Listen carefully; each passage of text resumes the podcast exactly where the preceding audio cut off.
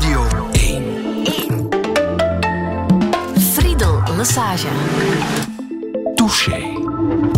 Touché vandaag met Mark Noppen. Goedemorgen. Goedemorgen. Hoe gaat het met u? Prima, dank u. Ja, ondertussen al 15 jaar CEO van het Universitair Ziekenhuis in uh, Brussel. Aan het hoofd van zo'n 4000 uh, werknemers. Ja. En ja, door de vierde golf aan het gaan. Hè? Hoe, Ja. gaat het? Hoe gaat het met het ziekenhuis? Ehm, ja, het, wordt, begint lang te duren. Hè. We zijn nu 21, 21 maanden ver na de eerste, ja, de eerste kennismaking met het virus. Maar ik moet ook zeggen, eh, ik wandel regelmatig rond in het ziekenhuis. En als ik dan vraag aan de medewerkers, hoe is het met u? Ehm, eh, dan moet ik toch vaststellen dat de, de moraal, zoals dat heet in Brussel, er nog altijd is. Hè. De meeste mensen zijn echt nog, uh, hoe zou ik zeggen, voluntaristisch en actief en doen hun job, ondanks alle vermoeidheid en frustraties die er ook wel zijn. De laatste tijd uh, blijven ze dat volhouden. En ik kan er alleen maar uh, grenzeloze bewondering voor uh, uitspreken. Ja, want we zitten ondertussen aan de Omicron-variant. Ja. Hoe is het eigenlijk met die eerste? Variant was het niet, hè? Die allereerste Eerste is al weg. virus. Hè? Die, die, is helemaal verdwenen. Is helemaal verdwenen. Dat, dat heb je met virussen. Het is de meest besmettelijke variant die dan oh. dominant wordt, hè? die de andere verdrukt, als het ware. Hè? De Delta heeft dat gedaan met de vorige en nu zien we Omicron misschien de Delta verdringen. Uh, want zo werkt dat. Zo'n virus uh, heeft natuurlijk geen verstand, maar het, het, collectief gedraagt zich als een Darwinistisch uh, fenomeen. En ja, de meest besmettelijke variant gaat winnen. Mhm. -huh. Op voorwaarde dat hij de gastheer niet te snel doodt. Ja. Want dan verliest hij. Ja. Je bent dit jaar verkozen tot zorgpersoonlijkheid van het jaar. Dat moet wel deugd hebben gedaan, denk ja, ik. Ja, dat was een uh, bijzondere verrassing, moet ik zeggen. Want ja? uh, ik er totaal niet uh, aan gedacht. Maar het waren eigenlijk de collega's die mij hadden genomineerd bij die organisatie. En uh, op een bepaald moment zat ik in een vergadering en uh, mijn, uh, mijn rechterhand, directeur algemeen beheer, kon mij met een heel ernstig gezicht uit mijn bureau halen waar ik met iemand anders zat. Ik kom dringend naar de directiezaal, er is iets ernstigs. En ik dacht, oei, wat nu? En uh, dus ik ga daar binnen en daar staan dus alle collega's met champagne en dingen en zeggen... Iets ernstigs. Ja. dat was dus een, echt een absolute verrassing. Ik had er geen, geen seconde bij, bij stilgestaan. Ja, maar heb je dat te danken aan het feit dat je zelf ook zorg draagt voor jouw zorgpersoneel? Goh, ja, dat was, uh, heb ik achteraf gehoord in, in het motiveringsfilmpje. Hè, want ze moesten dan uitleggen waarom ze mij nomineerden. Dan was dat een van de elementen omdat ik uh, heel snel vanaf uh, de eerste golf in de eerste crisis uh, heb ik heel goed geluisterd naar een aantal experten in crisismanagement. En een van die dingen was, ja, je moet op de vloer zijn. Hè. men noemt dat soms leading by example of zo, maar, of Gemba walks in het, in het jargon. Maar eigenlijk moet je op de vloer staan, mee, daarom niet in de frontlinie, hoewel ik dat bijna gedaan heb. Maar je moet echt aanwezig zijn. En uh, een tweede element is, dat moet authentiek zijn. Het mag niet een soort framing zijn dat je zegt van oei, het is vrijdag, ik moet nu snel ja. uh, rondgaan om te vragen hoe dat gaat. Nee, dat moet op elk moment van de dag. En zeker tijdens die eerste golf waren we eigenlijk uh, zeven op zeven in het ziekenhuis. Bijna ja. permanent. Mm -hmm. En dat heeft waarschijnlijk een rol gespeeld. Ja, maar ben je dan iemand anders als CEO, want je hebt een boek geschreven, hè? gewoon anders. Een uh, vurig pleidooi voor een ongewone gang van zaken, waarin ik jou leer kennen als een snoeiharde criticus.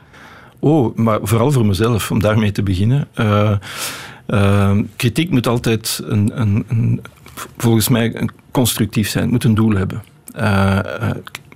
Afbraakkritiek geven, dat is het makkelijkste wat er is en daar haal je niks mee.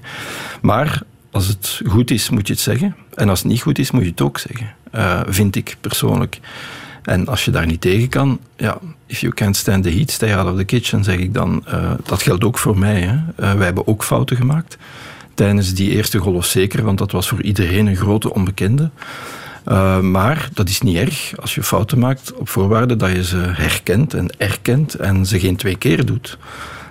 Dat is de boodschap. En vandaar dat je, denk ik, zeker in een functie en een rol zoals ik nu heb, vind ik, uh, ik werk met publiek geld, uh, dat is maatschappelijk uh, goed, vind ik dat ik ook de plicht heb om te spreken.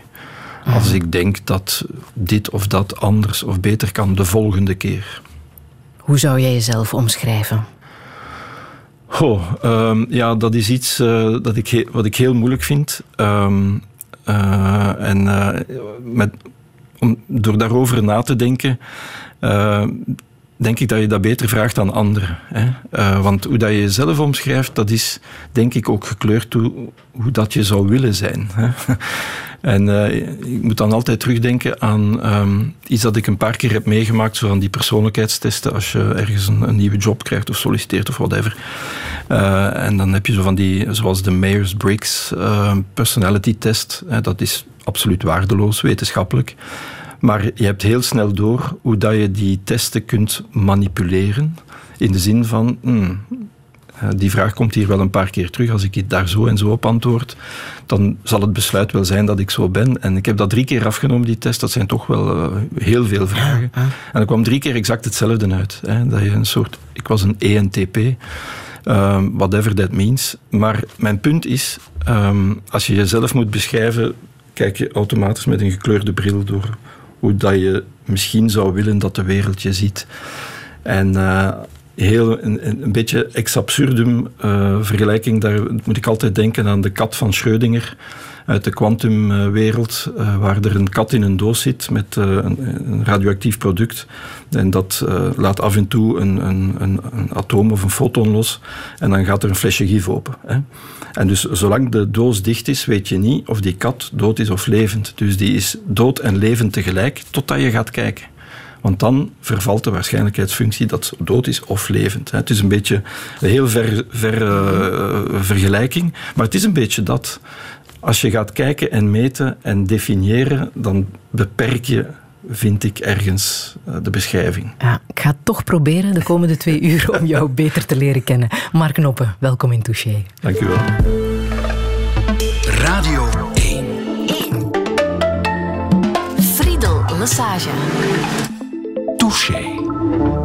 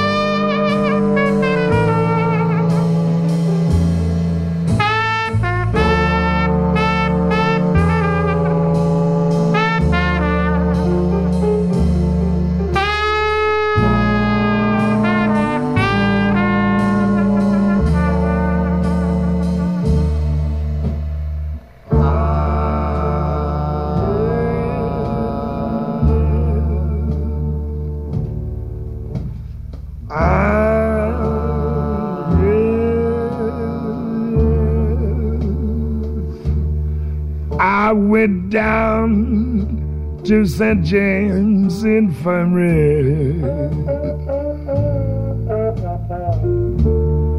Saw my baby there. She was stretched out on a long white table.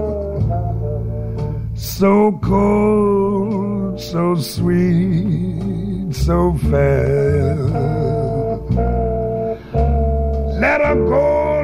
Go, let her go. God bless her. Wherever she may be, She can look this wide world over, but she'll never find a sweet man like me. Bragging. when I die, bury me in straight lace shoes. I want a box back coat and a Stetson hat. John B. That is. Put a twenty dollar gold piece on my watch chain. So the boys will know that I died standing back.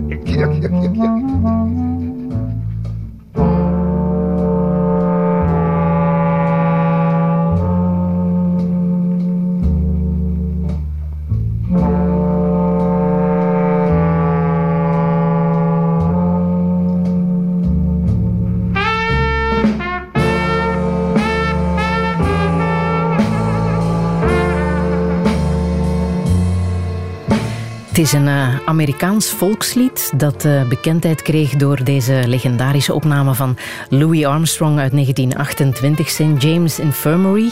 Het is een ode aan het St. James Hospital in uh, Londen, dat tot de 16e eeuw lepra-patiënten bezorgde.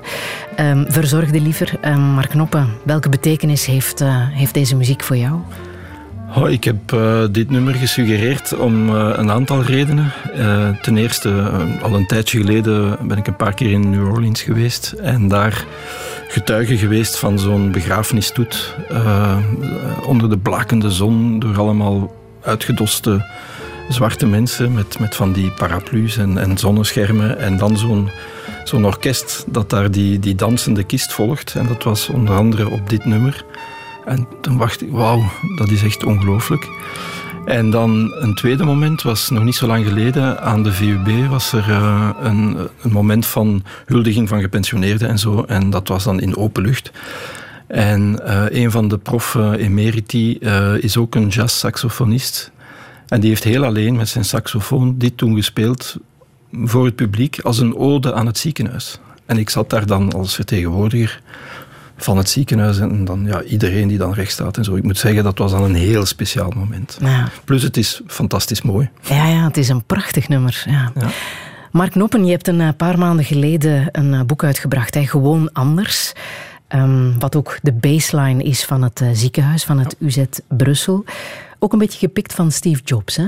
Deze titel, Gewoon Anders. Ja, ja, ja, think different. Hè. Um, en niet think differently. kleine nuance. Uh, ik ben nogal een uh, fan van Steve Jobs niet. Ik ben geen Apple-fan of addict of zoiets. Maar uh, ik lees graag biografieën. En ik ben op die biografie van, van Steve Jobs gekomen, van, door Isaacson geschreven.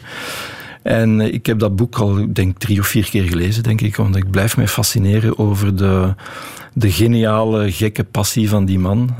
die heel goed beschreven is in dat boek. En dat Think Different is uh, zo'n soort leidmotief, denk ik, in, in, in die man zijn leven geweest.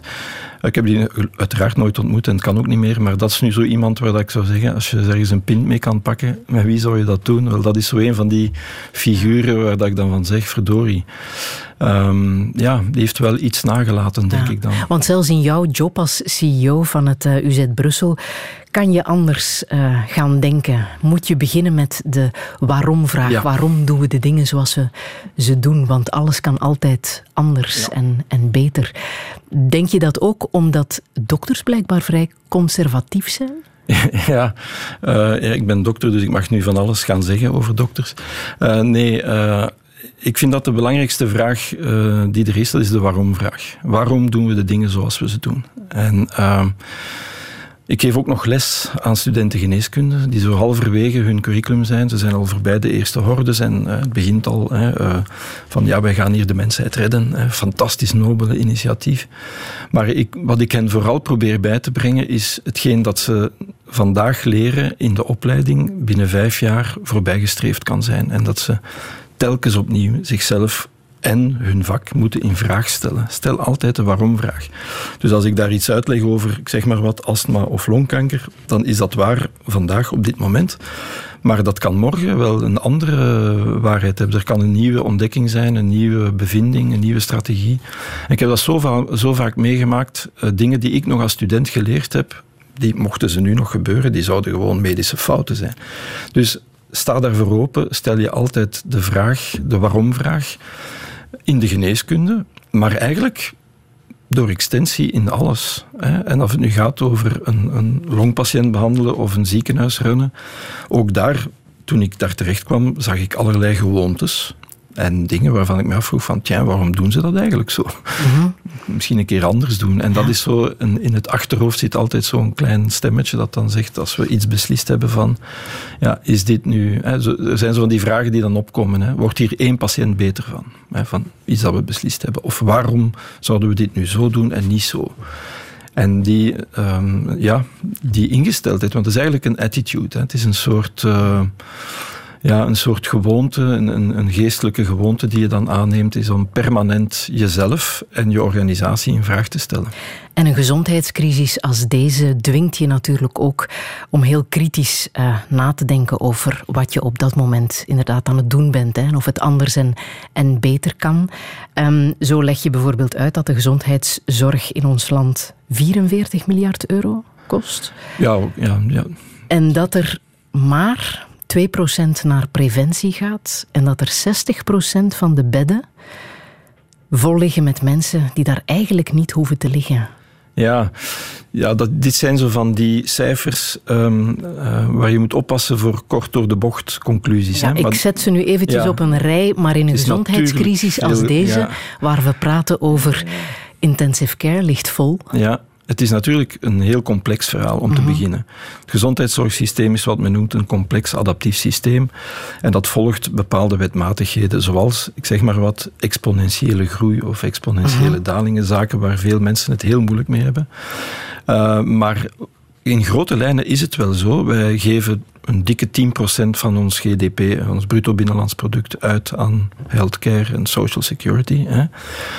Um, en dat is best veel geld, maar dat is wat de meeste westerse landen doen in Europa. Hè. Verenigde Staten is een beetje een gek, uh, extreem voorbeeld.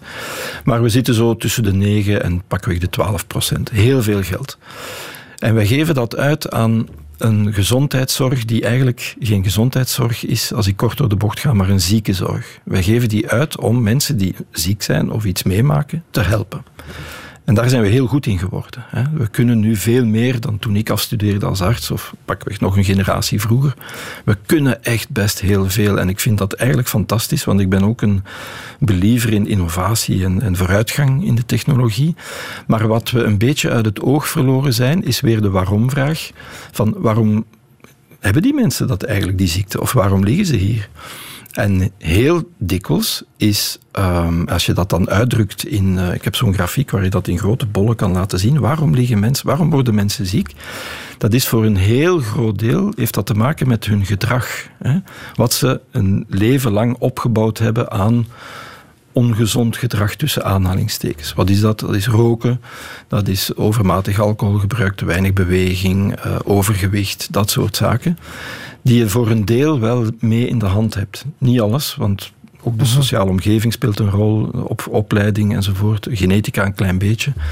Maar wat ik bedoel is dat de, pakweg de helft van die 700 mensen die in mijn ziekenhuis liggen, ja, die hadden daar misschien niet hoeven te liggen mochten ze niet begonnen zijn met roken op 12-jarige ah. leeftijd of op 14 jaar. Dus zit er aan de bron toch iets dus, En dat geldt ook een beetje voor COVID. Ja. Want eh, we hebben net de cijfers bekeken van de mensen die. We hebben 2400 patiënten met COVID opgenomen de afgelopen maanden in ons ziekenhuis. Degenen die op IZ belanden, op intensive care belanden, zijn gemiddeld genomen, maar significant zwaarder dan degenen die niet op IZ belanden. De BMI, de body mass index, is hoger. Ze hebben significant meer diabetes. Dus dat is dat is ook een pleidooi om na te denken over als in het, eh, in het algemeen, maar ook specifiek nu tegen COVID, uh, spelen ook nog elementen een rol, zoals een gezonde levensstijl, uh, die er mee voor zorgen dat mensen op een intensive care belanden of niet. Dus, en als je dan dat vertaalt naar beleid, want daar komt het dan op neer, is ja, de, de, de lakmoesproef is hoeveel geld wordt er uitgegeven aan gezondheidspromotie en preventie, want daar gaat het om. En dat is in ons land ja, pakweg tussen de 2 en de 3 procent van dat grote pakket geld. Ja. Maar roken bijvoorbeeld, hè? Ja. daarvan uh, zijn toch al grote stappen uh, gezet. Uh, roken kan niet meer in nee. heel veel plaatsen. Zie je het verschil? zijn er effectief minder longpatiënten die in het ziekenhuis belanden? Ja, ehm, wel, dat gaan we beginnen zien nu, denk mhm. ik. Want het is een cumulatief probleem in die zin van het is het aantal pakjaren dat je gerookt hebt. Uh, dus één pakjaar is één pakje sigaretten per dag gedurende één jaar. Hè. En vanaf een bepaalde cumulatieve drempel verhoogt het risico echt op, op longkanker. Uh -huh. Dus ja, iemand die 30 jaar geleden is beginnen roken en, en, nu twee jaar geleden gestopt is, ja, die gaat dat nog altijd meedragen. En dat gaan we nog altijd ja. zien. Belangrijk is naar de toekomst te kijken. En uh, er wordt veel minder gerookt dan vroeger. Onder andere door, laten we zeggen, maatschappelijke nudging. Hè, maken dat het heel moeilijk wordt om nu nog ja. te roken. In Nieuw-Zeeland gaan ze nog een stap verder. Ja, in 2025 ja, willen ze geen rokers meer. Ja, ja. ja, maar Nieuw-Zeeland is een heel, mooi, een heel mooi voorbeeld van een land waar ik wel uh, naar opkijk, om allerlei redenen. Maar uh, vandaag in België roken nog iets van een, schat ik, 25% van de mensen. En toch ook veel nog bij de jeugd. En uh, dat is heel jammer, want uh, hoe vroeger je begint met roken, hoe moeilijker het is om te stoppen. En uh, daarna. Maar ik ben een absoluut pleitbezorger. Ja, je haalt nu het roken aan, maar er zijn nog vele andere zaken. Hè. Gezonde, e gezonde voeding, evenwichtige voeding, uh, lichaamsbeweging, dat soort zaken. No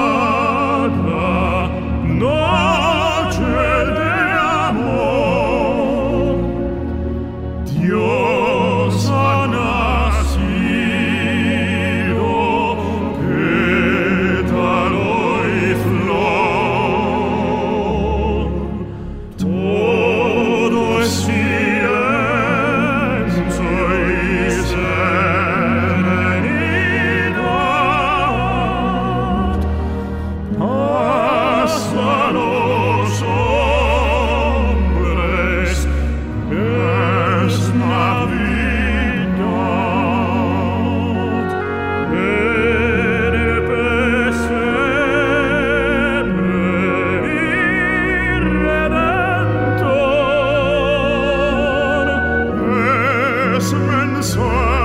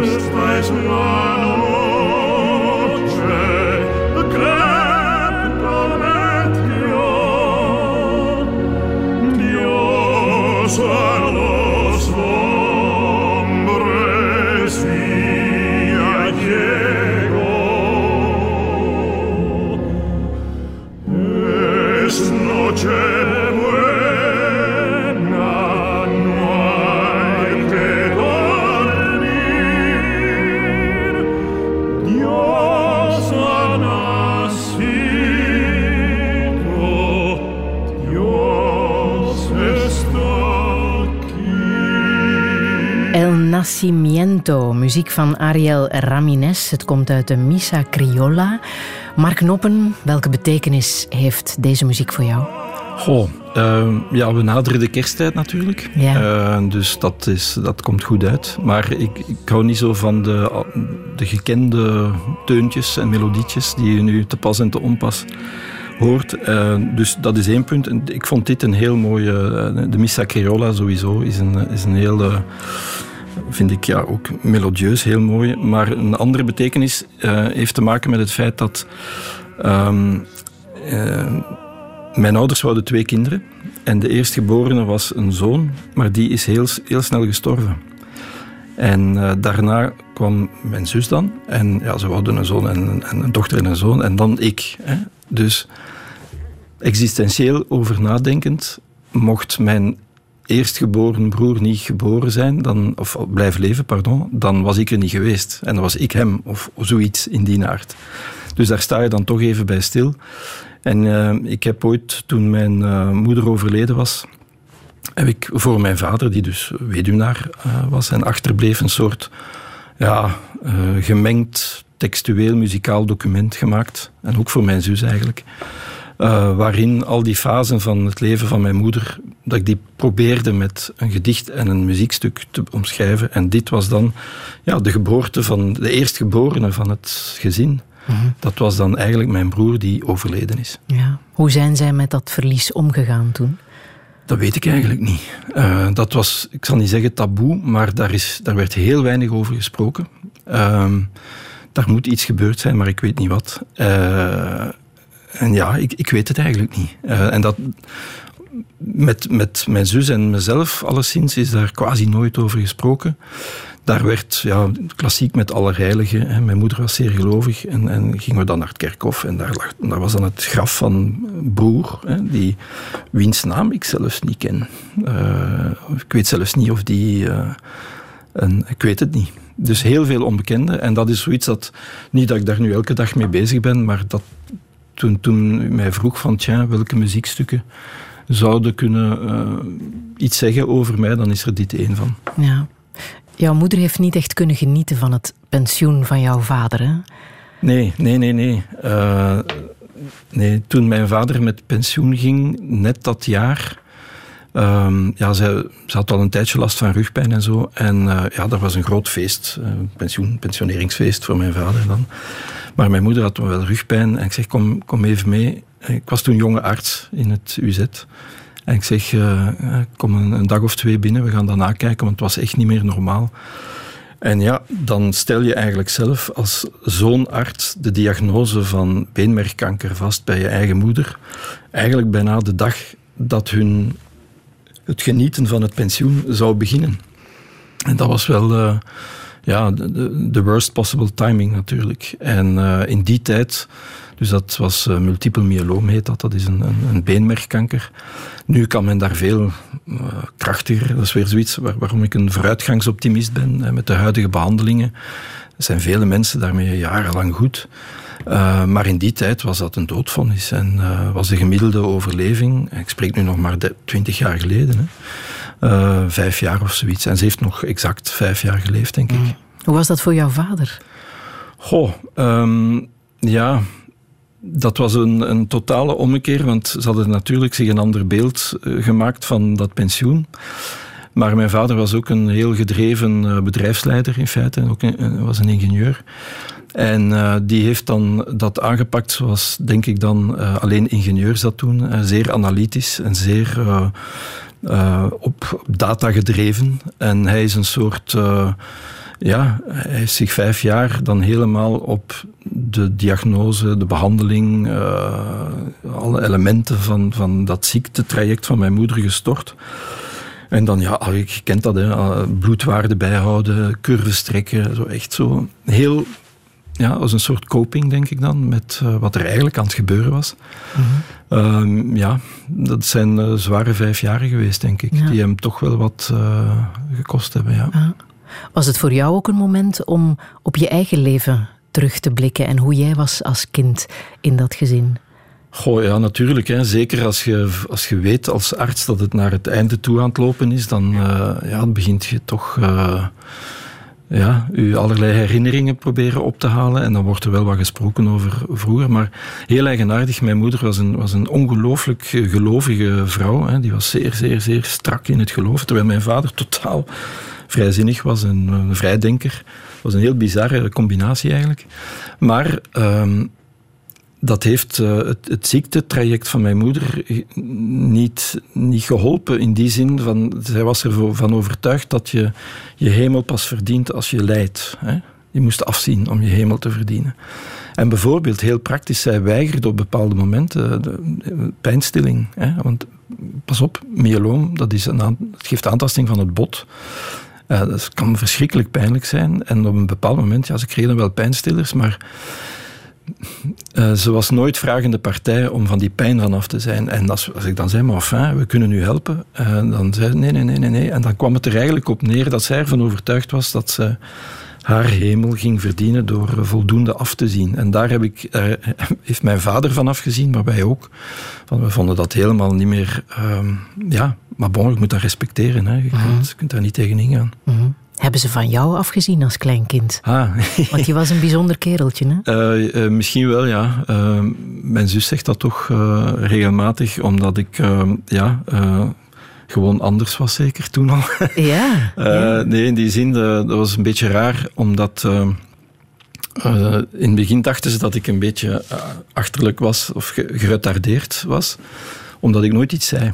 En dat was heel vreemd. En uh, ik moet zelf zeggen dat ik mij dat nog herinner, vaagweg.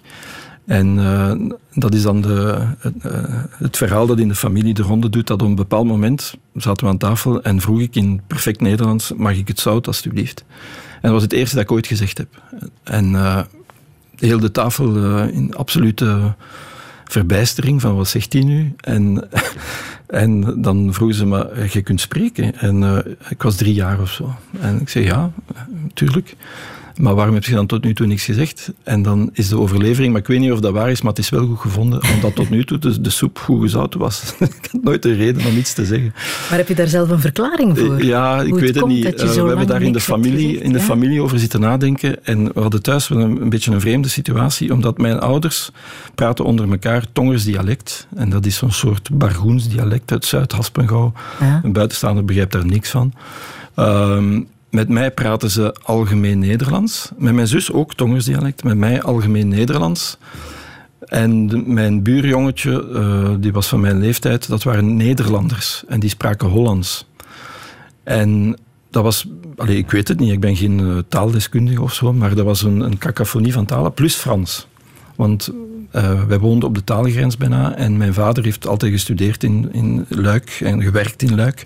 Er kwamen heel veel Franstalige mensen over de vloer, dus dat was een cacophonie van talen. Um, en ik denk dat dat misschien een rol gespeeld heeft, maar dat zou je aan een taaldeskundige moeten ah, vragen. En je las ook wel dikke boeken, hè? De encyclopedie. Ja, ja, ja. Um, de Oosthoeks-encyclopedie heb je helemaal uitgelezen? Ze hebben, ze hebben mij ooit uit de kleuterklas gesmeten, omdat ik mijzelf op een of andere manier had leren lezen en rekenen en zo. En zoals mijn moeder altijd zei, je ambeteerde de ander. En dus zei de, de directrice toen, ja, we weten niet wat we daarmee moeten aanvangen, stuur hem naar school. Want hij, kan dat lezen en, en rekenen en schrijven. En dus hebben ze mij een jaar te vroeg, meer dan een jaar te vroeg, naar, naar school gestuurd. En dat is, ja, dat is daar dan gelukt. Maar ik heb altijd heel graag gelezen, ja. Um, en ik durf dat bijna niet te zeggen, maar uh, toen ik een jaar of elf was, denk ik, was mijn vader geabonneerd op de Oosthoeks Encyclopedie. Dat herinner ik me nog, die, die beige-bruine kaften. Die zowat iedereen in huis had, hè? Ja, ja dat was toen als zo. Decor. Google bestond niet. Dus ja, de Wikipedia van zijn tijd. Ja. En dus elke, elke maand kwam er zo'n dik boek binnen. En uh, mijn moeder zei dat ook, maar dat is toch niet normaal? Hè? Uh, ik begon dan dat boek te lezen, zo letterlijk van A tot Z door die turven gaan. Uh, niet alles natuurlijk, maar dingen dat ik niet wist of dat mij interesseerde. Dus ik, tja, hoe zit dat in elkaar? Dus dat is er altijd wel een beetje geweest, maar dat is eigenlijk echt nerdy, hè, wat ik nu zeg. Dat is niet normaal misschien. Maar ik heb gewoon altijd heel graag gelezen, ja. Nog ja. altijd trouwens. En ook al heel jong geopereerd, hè? Je was nog minderjarig toen je je teddybeer opereerde? Ah ja, ja zo. Ik was even in de war. Uh, ja, ja, ja. Um, ik had een teddybeer, zo'n een, een, klassieke ja, teddybeer zoals iedereen heeft zeker. En uh, ik was daar altijd op aan het opereren en spuiten in aan het spuiten en aan het verbanden aan het aanleggen. Dus, dus zeiden mijn ouders, dat wordt een dokter. Dat wordt een dokter. Uh, maar bij de puberteit was ik dan veel meer uh, geïnteresseerd in alles dat te maken had met mechanica en elektronica. En ik deed heel graag wiskunde en fysica. En mijn vader was ingenieur, dus ja, ik ging ook ingenieur worden. En dan ben ik beginnen sleutelen aan brommers en auto's en dat soort dingen. Buggies in elkaar steken, ik deed niet liever.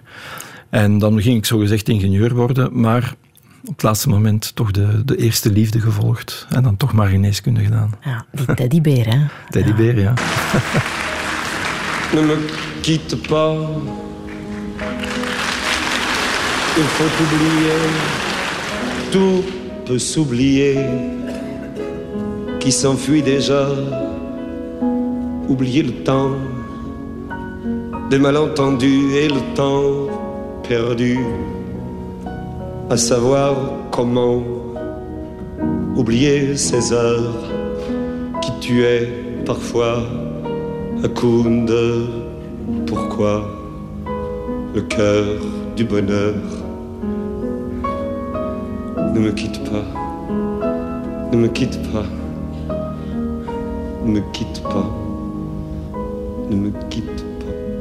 Moi, je t'offrirai des perles de pluie venues de pays où il ne pleut pas.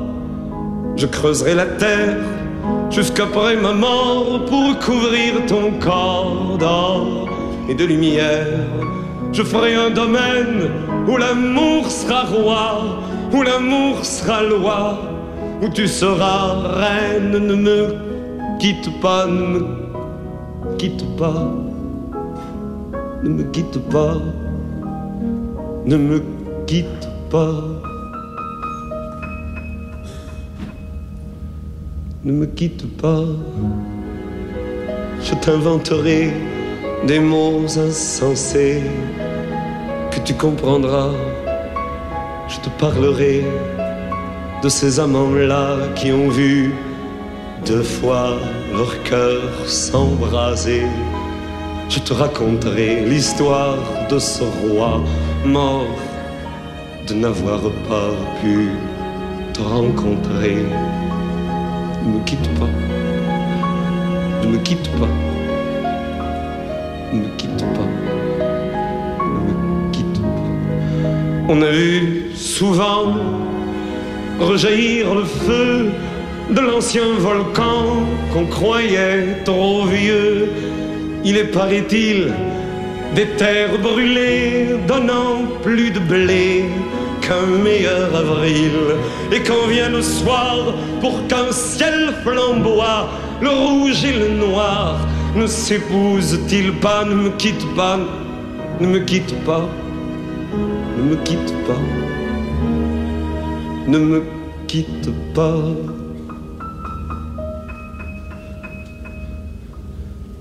Ne me quitte pas.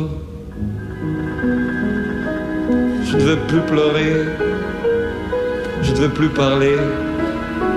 Je me cacherai là à te regarder, danser, sourire et t'écouter chanter et puis rire. Laisse-moi devenir l'ombre de ton ombre, l'ombre de ta main, l'ombre de ton chien. Ne me quitte pas. Ne me quitte pas. Ne me quitte pas. Jacques Brel in 1961 live in de Olympia in Parijs met Ne me quitte pas. En een aantal jaren later zou hij uh, sterven aan een longembolie. Was, uh, kanker had hij, hè? Ja, longkanker uh, waar hij vier jaar um, mee rondgelopen ja. heeft. Hè? Ja. Mark Knoppen, is dat de reden waarom deze artiest jou zo nauw aan het hart ligt? Ehm, Nee, daar had ik eigenlijk nog niet bij stilgestaan. Maar hij is inderdaad een, een, hij was een, een kettingroker en uh, vrij vroeg longkanker gehad. Hij heeft een pneumectomie gehad, dus een, een long die verwijderd geweest is. En dan is hij naar uh, uh, in, een van die exotische eilanden gezeild. Ja. er is in de buurt van Tahiti of zo, denk ja, ik. Hivaoa. Ja, voilà. En daar heeft hij dan nog, uh, ja, bij manier van spreken, onder een palmboom nog een paar jaar gelukkig geleefd. Maar ik heb dit nummer gekozen omdat uh, ten eerste Jacques Brel is veruit de beste Belgische artiest, denk ik, die we ooit gehad hebben. Um, en ik spreek nu ook, um, en ik weet dat dat soms gevoelig ligt, uh, is Franstalig, is, uh, is, dat dan Belgisch, Vlaams, Frans, enfin. maar dat heeft ook uh, over Vlaanderen fantastisch gezongen, hè? Mijn vlakke land, Mon pays. Mm -hmm. maar dit terzijde, en ik heb dit nummer gekozen omdat ik ooit eens dat filmpje gezien heb van zijn optreden in zwart-wit. En ik heb nooit zoveel passie gezien bij iemand. Het zweet dat van hem afdruipt. En ja, heel passioneel dat nummer zingt.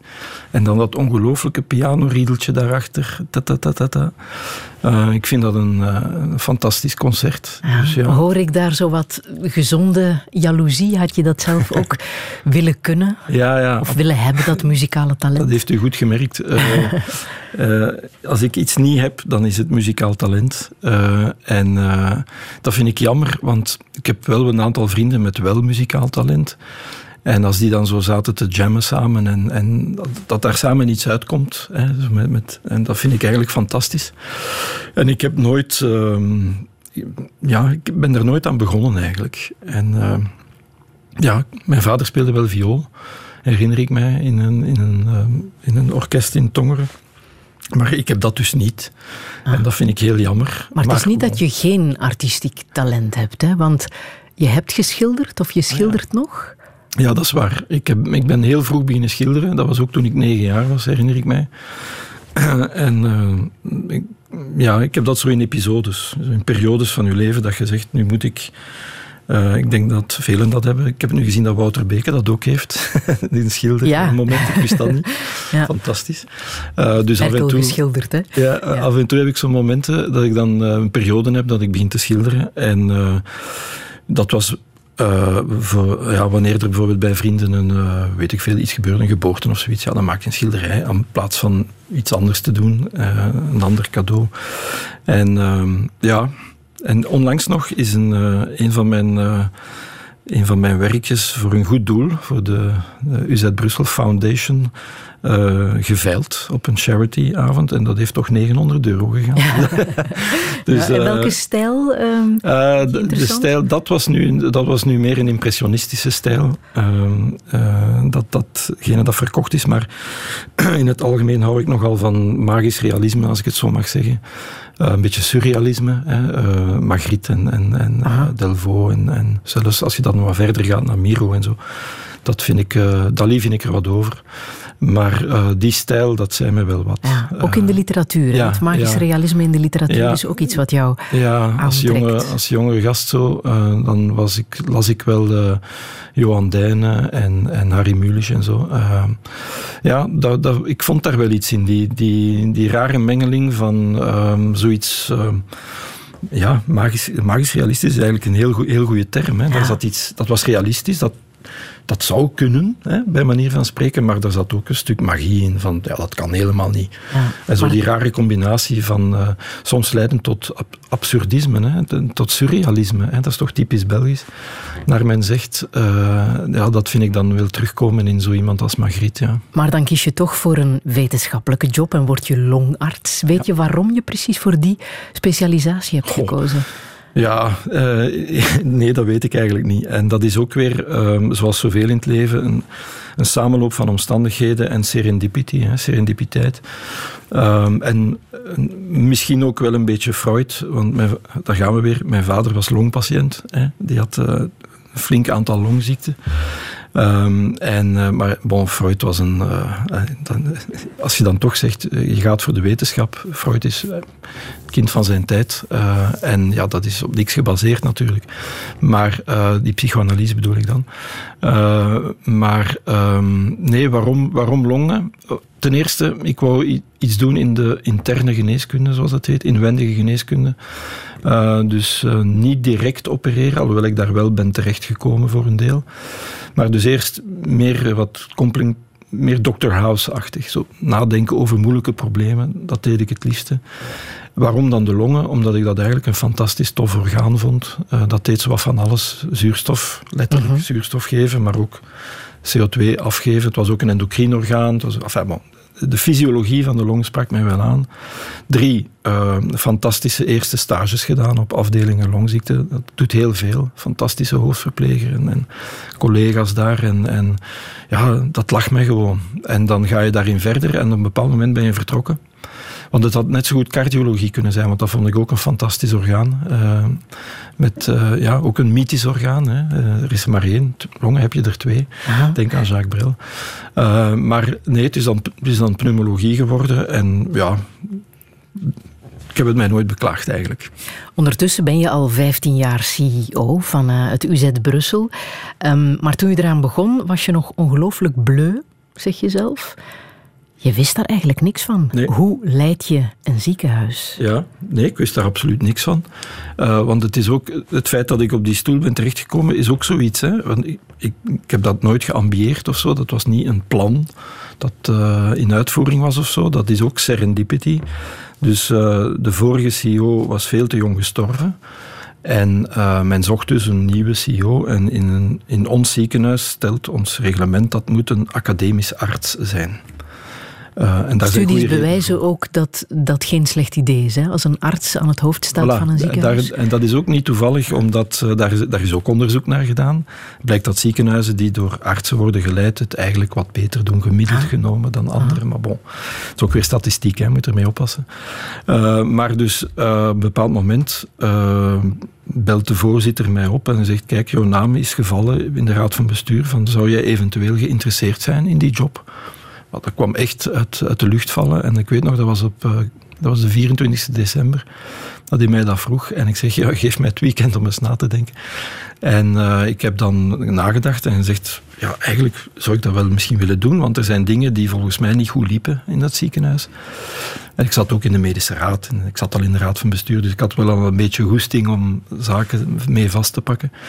En toen heb ik uh, op een blad papier zo tien bullets geschreven. Zeg, kijk, en ik heb hem dat gegeven. Ik zeg, als je mij wil, dan zal dit allicht gaan gebeuren. En dat was voor ons ziekenhuis toch een beetje revolutionair. En ik had nooit gedacht dat men dat ging volgen, maar ja, hij, las dat en hij zei: Doe maar mee. En dan heb ik meegedaan aan de sollicitatie. En dan na een paar maanden ja, kreeg ik een andere telefoon en zei: Dat was 31 maart. En hij zei: Proficiat, je begint op 1 mei. Of op 2 mei. En, uh, dus ik zei: Oei. Dus ik heb nog een maand om ten eerste mijn praktijk over te dragen. Uh, en, en ja, na te denken over, fuck, wat, wat moet ik nu gaan doen? wat doet een CEO? En ik herinner mij nog de eerste dag dat ik binnenkwam in dat helemaal lege kantoor van mijn voorganger. Dus een groot leeg bureau met een computerscherm. En ik kwam binnen met een leeg uh, boekentasje. en ik zet dat daar grond en ik ga op die stoel zitten. En uh, ik dacht bij mezelf, wat doet een CEO nu eigenlijk? Is het dit? maar mijn illusie was snel uh, voorbij, want uh, plots kwam van alle kanten en hoeken en gaten kwam er van alles op u af en dan, ja, dan begint het. Hè. Ja, je hebt een managementopleiding gevolgd, hè? Ja, ja, ja, ja, ja. dus ik, ik, was al een tijdje, dus ik was longarts, maar ik was ook, uh, binnen de, de pneumologie had ik zelf een soort niche gecreëerd, samen met een aantal vrienden internationaal. Zoiets tussen longarts en longchirurg in. Want ik wou eigenlijk ook longchirurg worden. Na mijn longartsopleiding, maar dat mag niet in België. Dus ik dacht, fuck, we gaan het toch doen. Dus we hebben iets anders uitgevonden. Um, en dat is interventionele pneumologie. En daarin was ik dan op een bepaald moment voorzitter van de Europese vereniging en de Amerikaanse vereniging. En dat zijn toch al flink wat mini-KMO'tjes. Dus je moet dan wat kennen van hoe zit dat budget in elkaar. En, en, bon. En dan had ik wat opleidingen gaan volgen. En dan, uh, toen ik eenmaal aangesteld was, heb ik een echte goede, lange opleiding gevolgd aan INSEAD, een business school. En uh, daar heel veel op gedaan over ja, uh, hoe zou ik zeggen, de do's en don'ts en de basics van, van dat management. Maar vooral, vooral, vooral heb ik heel veel geleerd van Daniel Kahneman. Uh, de menselijke psychologie. Waarom doen mensen, waarom handelen mensen zoals ze handelen? En men vraagt mij dat soms, wat doe jij eigenlijk? Hè? En dan zeg ik altijd, ja, 90%, ik overdrijf een beetje, van wat ik doe is eigenlijk toegepaste psychologie. Mm -hmm. En dat boek van Daniel Kahneman is voor jou Ja. de beste leerschool geweest? Dat was echt een eye-opener. Ehm, ehm, ik vond het al vreemd dat een psycholoog de Nobelprijs voor economie kreeg. Eh, dan ben ik daar wat beginnen lezen. En eh, hij, heeft dus aangetoond, samen met Sversky, zijn collega, die ook te vroeg gestorven was, dat eh, heel veel van wat er gebeurt in de, in, in, in de economie. Wij denken allemaal dat dat een soort exacte wetenschap is, maar dat is eigenlijk toegepaste psychologie. De psychologie speelt daarin een hele grote rol. Als je naar eh, de beurs kijkt en zo, en, en de voorspellingen. Eh, je kan wel grote dingen bekijken in de econometrisch en zo, maar eigenlijk de day-by-day economie is voor een groot deel gebaseerd op vertrouwen of gebrek aan vertrouwen en psychologie. Kijk naar de grote tulpenbollen-catastrofe in de 16e eeuw, de eerste beurscrash. Eh, omdat eh, een groep mensen toen dacht dat tulpenbollen veel waard waren. En, en, en uiteindelijk zijn die natuurlijk niks waard. En dan zie je. En die Kahneman die, die eh, heeft zijn gans leven gewijd aan waarom handelen mensen zoals ze handelen. Wat leidt nu ons gedrag eigenlijk? En wij mensen, wij denken dat we veel rationeler zijn dan dat we eigenlijk zijn. En eh, als u één cijfer maar, iedere mens neemt per dag 35.000 beslissingen. Gaande van, leg ik dat boek hier of daar, tot. Hè.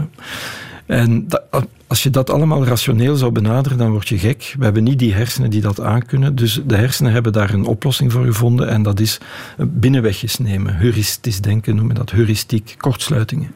Als dit, dan dat. Zonder nadenken. Dat is type 1 handelen. En het meeste wat wij doen is zo. En maar heel af en toe gaan we zitten en nadenken. En dat is type 2 handelen. Dat is dan rationeel benaderen. En uh, wij zijn dus gestuurd door een hele hoop wat men noemt biases. Hè. Dus ons gedrag is gebiased. Hè. Is eigenlijk, ja, wordt om de tuin geleid door een aantal trucken die we onszelf hebben aangeleerd om door het leven te kunnen. Dus het, het is fantastisch geschreven en ik, ik, herlees het om de zes maanden een keer. Ons feilbare denken, hè. op die ja, manier is ja, het uh, ja, vertaald. Engelse titel is thinking, Fast, and Thinking Slow. slow ja. Ja, ja. ja, fantastisch boeiend. Ja. De waarom-vraag geldt ook voor de volgende plaat, hè. Chan Chan van de Buena Vista Social Club. Ja. Ja. Cubaanse muziek. Ja, ja, ja. Ik heb die mannen een keer uh, gezien op tv. En ik vond dat ongelooflijk. Uh, ook zo, die waren allemaal 80 jaar of zo, of 90 of zelfs misschien nog zelfs. ouder, denk ik, ja. En die zaten daar op van die aftanse instrumenten uh, te spelen. En met ook weer zo een passie en een goesting en een positivisme. Uh, wat ik ook teruggevonden heb toen ik in New Orleans was, uh, kan je die, dat was dan niet de Social Vista Club, maar je kan daar zo een, ik ben even de naam kwijt, maar er is daar zo een heel, heel, heel oud café. En daar zitten ook van die oude knarren.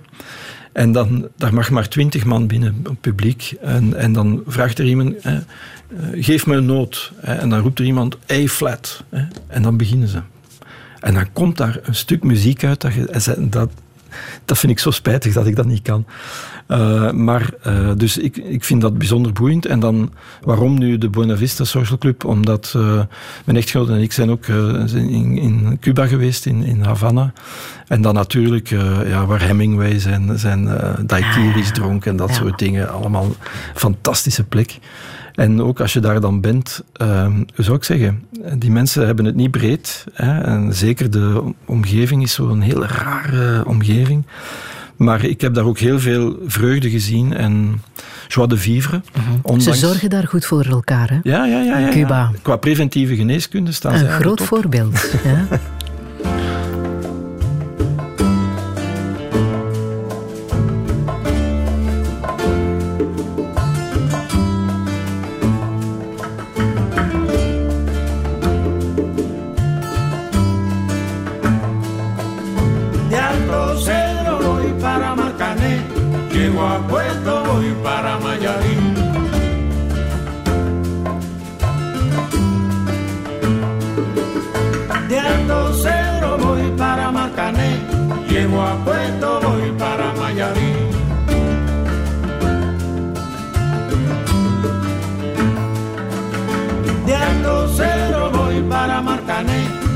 A cuando voy para Miami.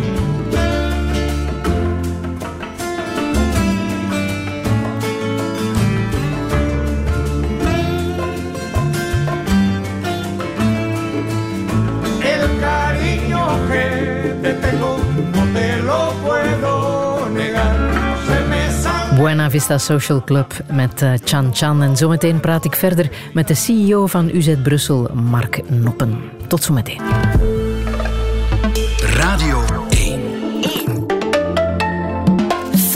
Massage. Touché. Touché vandaag met Mark Noppen, al 15 jaar lang CEO van het Universitair Ziekenhuis van Brussel. Met als pijnlijk hoogtepunt de strijd tegen het coronavirus. Hoe hij dat aanpakt, schreef hij neer in het boek Gewoon Anders. Want het kan anders. Al moet je dan de nodige risico's nemen en maak je ook wel eens fouten. Maar hoe moet het verder? Hoe ziet hij de toekomst van de ziekenzorg? Wat is de zin van het leven? En wie zal voor hem zorgen als hij ouder wordt? Dit is Touché met Mark Noppen. Goedemiddag. Ik sta maar ik leef langs de binnenkant. Sommige gedachten zitten van binnen gevangen. Sommige laat je los, sommige wil je verbranden. Soms wil je iets anders zeggen dan dat je gepland. En soms vloekt het, en soms flip je. Soms vloek je, en soms mis je. Soms zoek je het, maar kun je er niet aan. En glipt het van tussen je naam. Leef van binnen naar buiten, met de deur heb ik hier en laat zonder je run. Nou, je niet weet wat te zeggen, kun je liedjes meeflutten.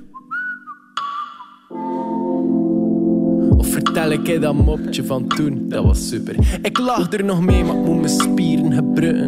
We worden ouder, dan merk je aan de waarde van je vetten en je suikers. En dan die dustkisten, upstandstukken, upstandstukken. Jammer voor de bloemen in de schaduw van de strukken. Van binnen zo brak, maar van binnen zo mooi. Zo mooi. Op de binnenkant zie je binnen nooit. De binnenkant nooit. Van binnen zo brak, maar van binnen zo mooi. Zo mooi. Want de binnenkant zie je binnen nooit. Nee, de binnenkant zie je binnen nooit. Maar kijk, ik heb me gebreken en ken er een zee van. Ik voel me niet alleen, ik ben met Lisette en Stefan.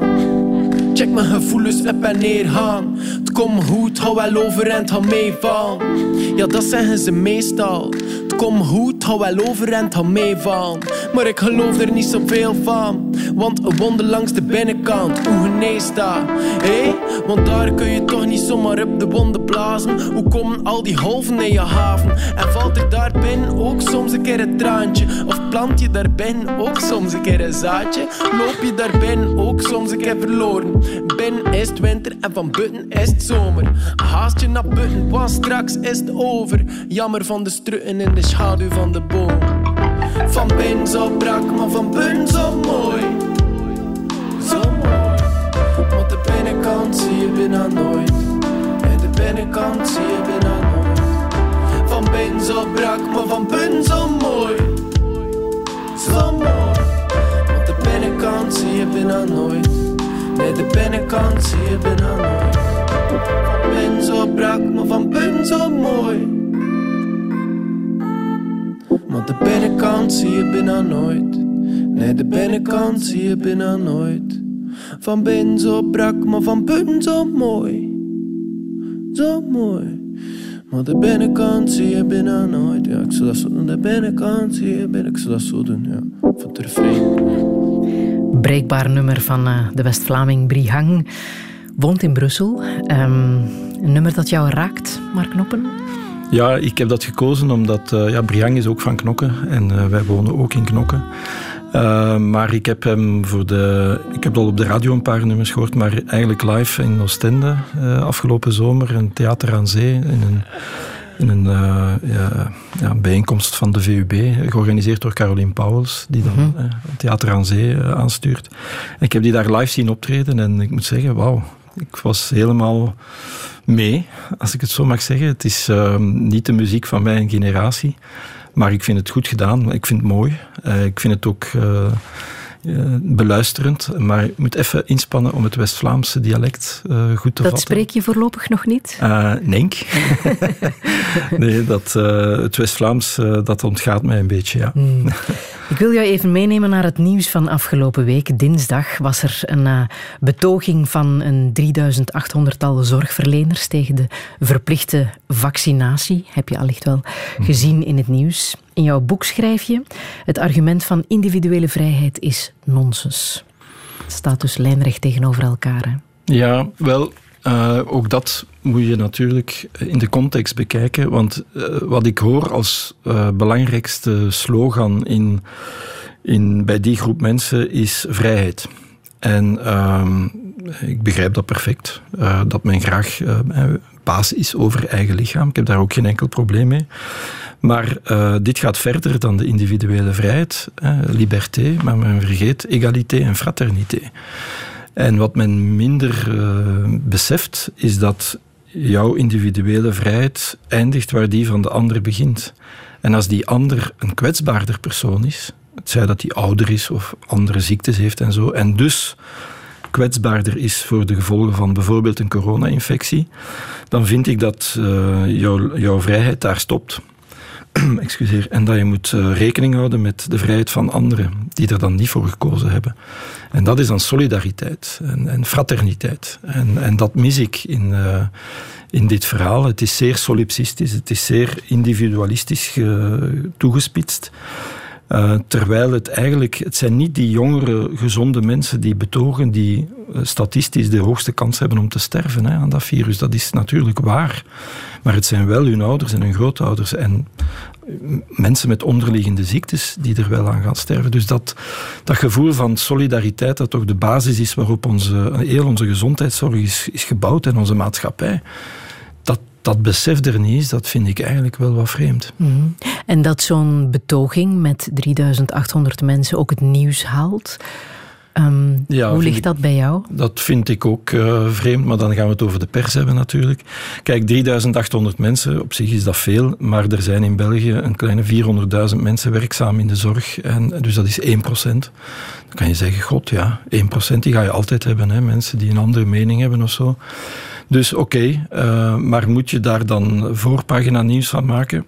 Uh, ik weet het niet, want dan gaan we weer richting Kahneman. Daar gaan we weer. Als je iets maar genoeg herhaalt, krijgt het kracht van waarheid en, en kracht van evidentie. En hè, de, de anchoring bias, de, dat zijn allemaal cognitieve biases die, die daar een rol spelen. Dus ik vind de rol van de pers toch ook wel iets om eens over na te denken. En werd me trouwens bevestigd, excuseer, uh, door een um, zeer ervaren journalist die mij vorige week of twee weken, twee weken geleden zei van als dit achter de rug is, gaan we al onze systemen tegen het licht moeten houden. Hè? Uh, overheid, crisismanagement enzovoort. Maar ook de rol van de pers. Mm. Uh, want ook daar, en dat zei de journalist, dat zei ik niet, uh, vond hij dat er toch ehm, soms een loopje wordt genomen met de waarheid. En ik, ik kan daarvan meespreken. Dus, maar hebben ze het recht om ook hun mening te laten horen tuurlijk. tijdens zo'n ja, betoging? Ik, ik ben absoluut voorstander van vrij vrije meningsuiting. Maar een mening is een mening. Dat is daarom geen feit. En, en, dat is een hele grote verwarring. Het is niet omdat ik meen dat de aarde plat is, dat ze plat is. Uh, er zijn feiten die aantonen dat de aarde rond is. Uh, dus een mening, dat heb je over dingen waarvan je de ware aard moeilijk kan inschatten. Maar er is nu zoveel bewijs voor een aantal fenomenen die we nu zien, of te weten zijn gekomen tijdens deze crisis. En dat is ook iets dat mij mateloos fascineert. Dat is dat voortschrijdend inzicht. Hè. Dat, zo, zo werkt de wetenschap. Maar dat is moeilijk uit te leggen. Hè. De mensen houden van wit-zwart. Het is zo en, of en niet zo. Maar de realiteit is dikwijls veel complexer, genuanceerder. En wat we erover weten, is, was vorige maand waar en volgende maand misschien niet meer. Maar dat moet je uitleggen. Mhm. aan de mensen. Als je, als je op een bepaald moment, ik herinner mij toen de vaccins op ons afkwamen, ah, het Rijk der Vrijheid is aangebroken. Nee, iedere wetenschapper heeft toen gezegd, wow, wow, wow. Nee, dat is niet de bedoeling van een vaccin, om een Rijk der Vrijheid uh, te gaan creëren. De bedoeling van een vaccin is om het aantal sterfgevallen te reduceren, het aantal zware ziektegevallen te reduceren en om de gezondheidssector te vrijwaren. Dat zijn de drie redenen waarom we vaccineren. Niet om om naar een discotheek te kunnen gaan, bij manier van spreken. Maar dan moet je ook uitleggen aan de mensen. En, en dan kijk ik in eigen boezem. Ik denk dat vele opiniemakers of beleidsmakers of uh, mensen die ja, een rol spelen in deze crisis. Uh, misschien ook goed moeten nadenken over um, het, het, het ganse plaatje te vertellen. En, en, en, niet alleen je te beperken tot, tot een aantal feiten en de rest als een bende idioten. Ja, maar wordt er ook een beetje te slordig omgesprongen met het verschil tussen een mening en, en ja, de absoluut, feiten? Absoluut. Fact-check. Ja. dat is zoiets. Want een mening is nog altijd ondergeschikt aan de feiten. Ja, ja dat, is, dat is mijn punt. Er zijn een aantal dingen die echt vaststaan. De aarde is rond. Laat ons nu niet over een virus spreken, maar daarover. Maar er, er, er, bestaat dus nog een Flat Earth Society van mensen die blijven beweren dat de aarde plat is. Uh, nu, dat is een mening. En voor mij mogen ze die mening hebben, maar alsjeblieft, dat heeft niet dezelfde waarde als een feit. En ook hier in dat coronadebat zie je heel vaak de vermenging van halve waarheden en hele meningen die op een gelijke voet worden gezet met wetenschappelijk aangetoonde of aantoonbare andere zaken. En dat vind ik niet correct. Mhm. En dan hebben we ook nog de sociale media. Ja, daar, uh, ja, dat heb ik ook gemerkt. ja. um, ik herinner mij nog een, een, jaar of vier geleden zei mijn uh, communicatiemanager. Hij zei, ja, we moeten meer op de social media. Hij zei ook, jij moet ook op de social media, op Twitter en zo. En ik zei, oké, okay, ik vind dat fantastisch.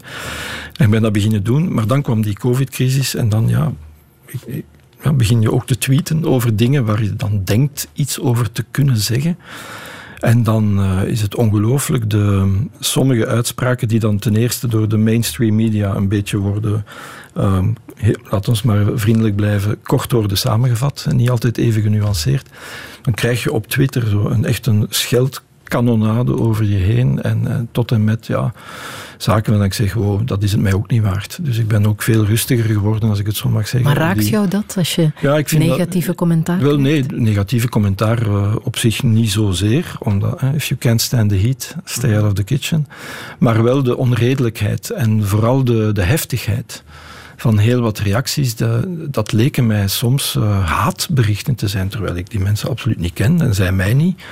En ik vind dat heel vreemd, die, die, die enorme polarisering die je dan ziet. En eigenlijk verwondert het mij niet, want ik, ik zag een paar maanden geleden uh, die Netflix-documentaire over de social dilemma waar een paar uh, uh, ja, programmeurs en, en, VP's van, van de Facebooks en zo van deze wereld kwamen uitleggen dat hun, hun monster dat ze geschapen hadden out of control is. Tenzij dat je er de, de stekker uittrekt, zoals in China of zo.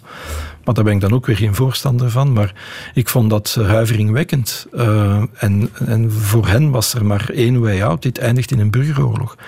En als je dan ziet wat er in de Verenigde Staten vooral toch politiek en maatschappelijk vlak bijna gebeurd is, hè? De, de bestorming van het kapitool. Mm.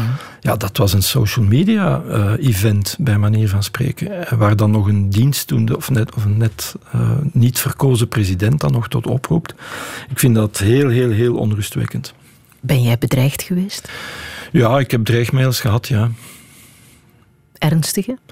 Wel ernstig genoeg om, uh, om aan te geven en om, uh, ja, om het daarna wat rustiger aan te doen op dat vlak. Ja. Hm, dat was nodig. Ja, ik vond van wel, omdat het, dat was het mij ook niet waard. Om, om, uh, ik kan er tegen dat mensen zeggen van je bent fout of dit of dat, maakt mij niet uit. Maar echte haatberichten en, en, en dreigementen, dat vond ik erover gaan. En ik weet dat veel van, uh, van mijn collega's op social media, uh, iedereen die dan in de picture komt, hè, maar zwijgen van Mark van Rans, maar ook een Erika Vliegen of een Pierre van Dammen of een Steven de Gucht, uh, die, die krijgen dit soort berichten ook. Hè. Dus ik, vind dat, ik vind dat heel jammer, um, omdat het ook niks bijbrengt aan het debat. En ik, ik, vind dat, ja, dat je met open vizier moet kunnen praten met mensen die een andere mening hebben. Ik heb er ook geen probleem mee, maar niet op deze manier. Ja, maar de ware mens komt wel naar boven hè, in een crisis als deze. Ja, bij sommigen toch. Mm -hmm. uh, bij sommigen, uh, ik weet niet meer wie het ooit gezegd heeft, de beschaving is een dun laagje vernis. Uh, ja, dan, maar ik, ik, denk dat dus niet. Ik weet dat is zo'n beetje machiavellistisch, zo dat de ware aard van de mens is misschien wel geen goede aard. Terwijl dat ook weer een heel genuanceerde denker was, maar dit terzijde. Maar uh, ik ben eerder, uh, voor mij is het glas eerder half vol. En ik ben nogal eerder geneigd om het positieve te zien in een aantal zaken, eerder dan het negatieve. Maar ik, ik besef dat er heel wat mensen zijn die doodongelukkig zijn, blijkbaar. En die een of andere energie vinden in het verspreiden van fake news en haatberichten. Uh, persoonlijk begrijp ik dat niet goed Maar bon, eh, ik stel het vast. Mhm. Haal jij dan troost en misschien ook een verklaring uit uh, het boekje dat jij hebt meegebracht uh, van de historicus Carlo Cipolla? De wetten van de menselijke stupiditeit? Ja, dat is. Uh, uh, nu moeten die mensen zich natuurlijk niet aangesproken voelen, want ik krijg weer een op Twitter. Ja, maar het ligt hier in mijn zicht. Dus. Ja, maar dat is een fantastisch uh, boekje dat ik ooit eens gekregen heb. Um, dat is een satirisch werkje natuurlijk. Hè. Maar zelfs in de, in de Bijbel, in het, in, bij Prediker, kon je al lezen dat numerus tutorum est infinitus. Hè. Het aantal dommeriken is oneindig. Uh, wat ook niet kan natuurlijk, want een deelverzameling kan nooit groter zijn, kan nooit oneindig zijn, maar dit terzijde. Nee, dat is een heel grappig werkje waarin um, je zelfs in milieus van, ik zeg maar wat, Nobelprijswinnaars, hè, waarvan je toch zegt, ja, dit zijn nu werkelijk de slimsten der aarde, zelfs in zo'n groep heb je ook die verdeling tussen, ik, domrekenen is een slecht woord, dwazen. Uh, en dan nog niet het zijn niet die mensen die dwaas zijn, maar hun handelingen zijn soms dwaas. Een Linus Pauling is een Nobelprijswinnaar die ooit dacht dat uh, megadosissen vitamine C kanker gingen genezen. Om maar iets te zeggen. Luc Montagnier, de ontdekker van het HIV-virus, heeft ook rare theorieën. Maar uh, dus zelfs in die milieus kan je mensen hebben die soms heel rare dingen zeggen en doen. En dus die, die dwazigheid is onafhankelijk van andere eigenschappen van die mensen. Maar je blijft het terugvinden. En dat vind ik eigenlijk fantastisch grappig uh, geschreven. Uh, en dat relativeert voor mij ook heel veel dingen. Ja, ook in jezelf? Ook bij mezelf, die, ja? ja? tussen haakjes. Uh, want als ik, als ik soms iets beslis en dan denk ik, hmm, was dat nu wel het meest intelligente om te beslissen? Uh, en dan uh, steek ik mijzelf in dat kwadrant hè, waar dat je dan de dwazen hebt. Dat zijn mensen die dus acties ondernemen die zowel henzelf als hun medemens of hun omgeving schade toebrengen. En als je dat doet, dan ben je dwaas bezig, want daar heeft niemand baat bij. En dus ja, soms bedenk ik mezelf, hmm, ik had hier misschien een andere beslissing kunnen nemen.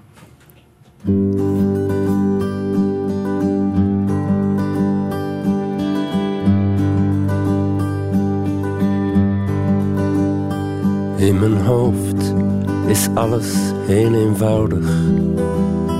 In mijn hoofd valt alles op zijn plaats. Geen verderf, geen loeiende reclame. Welkom, welkom in mijn hoofd. Er is tijd voor eender welke richting. Er is plaats voor eender welke stroom. Er is rust om alles te overschouwen. Het is prettig toeven in mijn hoofd. Overdag is er de verwarring. Overdag loopt het spoorvlug dood. Overdag wringt men zich in bochten.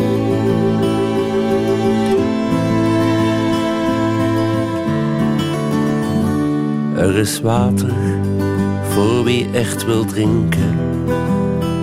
Er is werk, dat werd ons toch beloofd. Er zijn slogans voor wie ze wil geloven. Maar de kern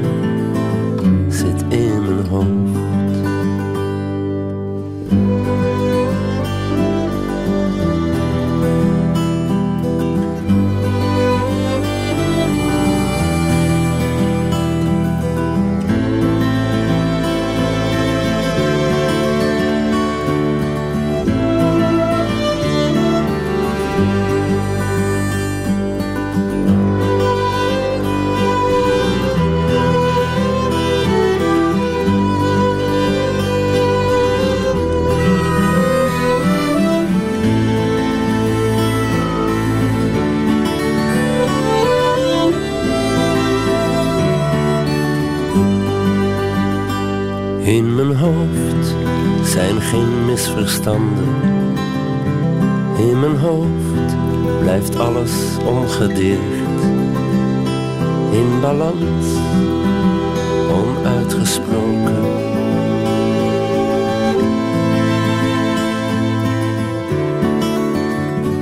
Naar het schijnt verdwijnen je gedachten tot het licht volledig is gedoofd. Maar zolang ik daar iets kan ontwaren, blijf ik dwalen in mijn hoofd. Ja, zolang ik daar iets kan ontwaren, blijf ik dwalen in mijn hoofd.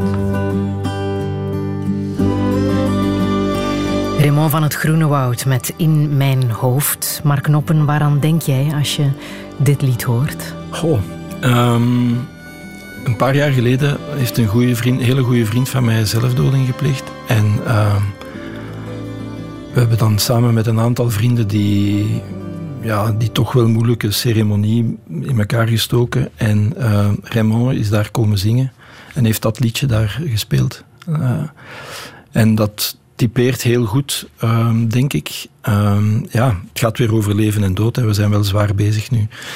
Uh, maar ja, het maakt deel uit ook van mijn leven in het ziekenhuis. Je ziet heel veel miserie, je ziet heel veel mooie dingen, uiteraard. Maar je ziet ook wel miserie. En dan in je directe omgeving toch mensen die worstelen met, uh, met het leven op een of andere manier. En ik vind dat, ja, ik vind dat mooi gebracht hier, heel sereen in dat liedje.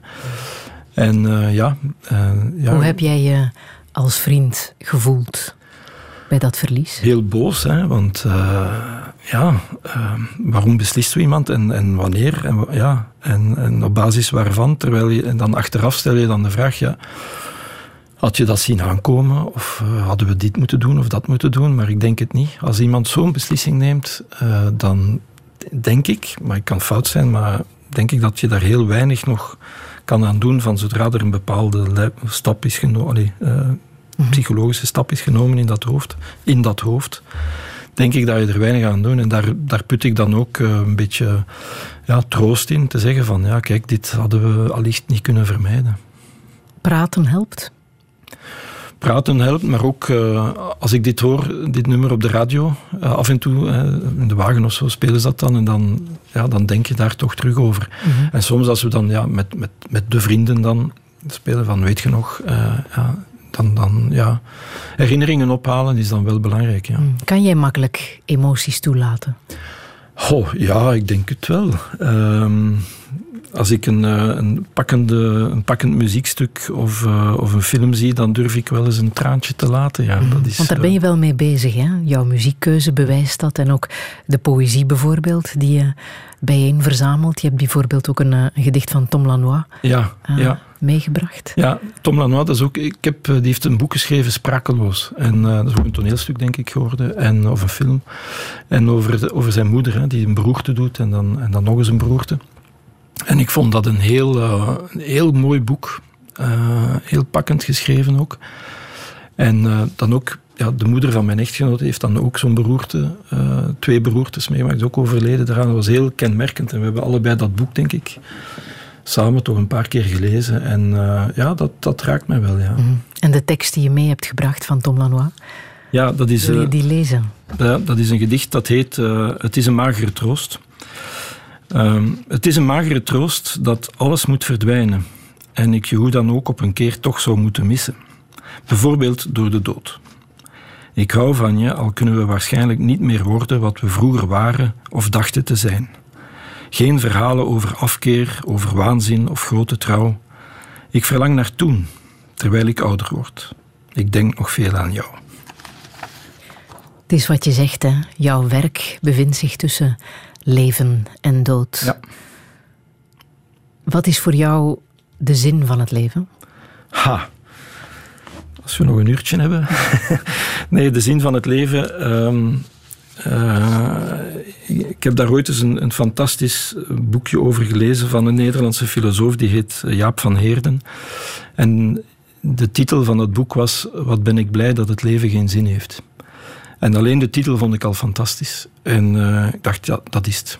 En ik ben dat beginnen lezen. En dat zijn korte stukjes, een soort uh, cursiefjes bijna. Waarin hij op een met een fantastische, humoristische en scherpe pen aantoont waarom het leven geen zin kan hebben. En eens dat je dat doorhebt, zin in de betekenis van uh, een soort groot plan hè, dat iemand heeft uitgedacht of zo. dus in die zin geen zin. En dat betekent, dat heeft een, een, een, aantal fantastische consequenties. En de belangrijkste voor mij is, ja, als dat waar is, en ik denk dat dat waar is, dan heb je een ongelooflijk geschenk gekregen, want dan kan je dat leven zelf invullen. Zo goed als je zelf wil en kan.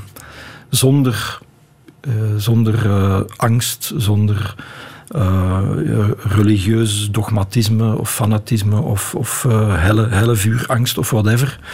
Dan zeg je, kijk, probeer gewoon een goed mens te zijn. Probeer de dingen te doen die je graag doet. Mensen graag te zien, die, die omgeving. En dat is een fantastisch geschenk. En dat geeft een enorme vrijheid. Want, uh, en dat is dan de andere vrijheid dan die van de betogers daar, denk ik. Uh, dat is dat je de vrijheid kan krijgen op bijna op metafysisch vlak om daar zelf een invulling aan te geven. En dat vind ik een ongelooflijk mooi geschenk. Ja, want als we ziek zijn, dan zijn we blij dat we naar een ziekenhuis kunnen om ons uh, te laten verzorgen. We willen zo lang mogelijk leven met z'n allen. Hechten we in die zin te veel waarde aan een mensenleven? Moeten we niet de dood terug wat meer accepteren als een deel van het oh. leven? Ja, uh, uiteraard. Hè. Uh, als, als je spreekt over de zin van het leven en je zegt, ja, wat ben ik blij dat er geen is, ja, dan stel je vast dat je wordt geboren, dat je leeft en je gaat dood. Dan wordt dat ook veel minder, uh, zou ik zeggen, een, een, een Griekse tragedie of een drama. Of dat hoeft het niet te zijn pas op, begrijp mij niet verkeerd. Uh, we zullen zoveel mogelijk doen om zoveel mogelijk mensen zo lang mogelijk gezond te laten leven. Hè. Maar op een bepaald moment uh, lukt het niet meer. En dan moet je, denk ik, ook op die manier naar de dood durven en kunnen kijken. Pas op, ik, ik heb makkelijk praten, ik sta er nog niet voor. Maar ik heb wel in mijn carrière een paar keer mensen kunnen begeleiden naar een, naar een euthanasie. En dat waren uh, veruit de mooiste momenten van mijn pneumologische carrière. Omdat dat mensen waren die een beetje op dezelfde manier in het leven stonden en die heel goed beseften van oké, uh, zoals voor iedereen komt op een bepaald moment de dood. Maar ik neem een stapje voor, ik, ik beslis zelf. Wanneer het mij uitkomt en wanneer ik er klaar mee ben en mijn familie. Want het was telkens een, een, een groepsgebeuren. Ik heb het nooit meegemaakt dat zo iemand alleen wil sterven. Dat is altijd een prachtig moment.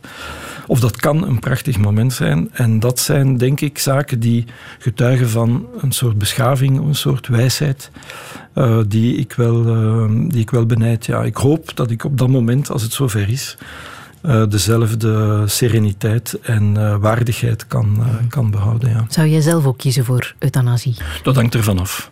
Het kan, kan goed zijn dat de dood plots komt als een dief in de nacht en dan is het gedaan. Maar er zijn toch een aantal situaties waar mensen een, een, een aanslepende ziekte hebben die op een bepaald moment niet meer of die, zoals de wet zegt, uitzichtloos is. Hè? Dat je eigenlijk dat je weet waar het gaat eindigen op zo'n moment durf ik te hopen dat ik dan ook de, de, de helderheid van geest zal hebben en de, de, de moed om, om dan zelf te beslissen. Want dat vind ik dan het ultieme teken dat uh, Jaap van Heerde gelijk had. Ben je bang voor dat moment? Nee, nee, nee absoluut niet. Ik heb genoeg. Me, nee, hm. ik ben daar niet bang voor. Nee. Um, om, en het maakt ook dat je dan ook, uh, hoe zou ik zeggen, gelukkig kan zijn in je leven. Hè? Als je er niet continu... Want het, het klinkt een beetje zwaarmoedig allemaal vandaag, maar uh, het is niet dat ik daar continu mee bezig ben. Hè? Integendeel, uh, sommigen durven mij toch ook wel een beetje als hedonist beschrijven of als levensgenieter. Ja. Dus, ja. Hoe ver ga je daarin? Oh, uh, altijd binnen de perken van de wettelijkheid natuurlijk. uh, nee, um, wij doen graag, uh, wij genieten graag van het leven. Hè. we reizen graag. Wij, ja, we genieten gewoon graag. Ja, en, in dat de wijvorm. Dingen. In de wijvorm. Wij, ja, ja, ja, ja, ja liefst. Hè. Ja. Alleen genieten is een beetje ook solipsistisch, denk ik dan. Want dan, ja, dat, dat kan ook tof zijn. Hè. Maar uh, we proberen zoveel mogelijk, uh, mijn echtgenoten en ik, om toch samen te genieten van de dingen. We werken allebei lang en hard. Uh, maar we genieten ook graag.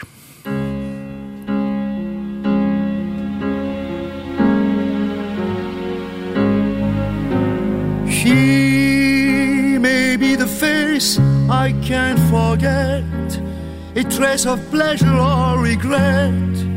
Maybe my treasure or the price I have to pay.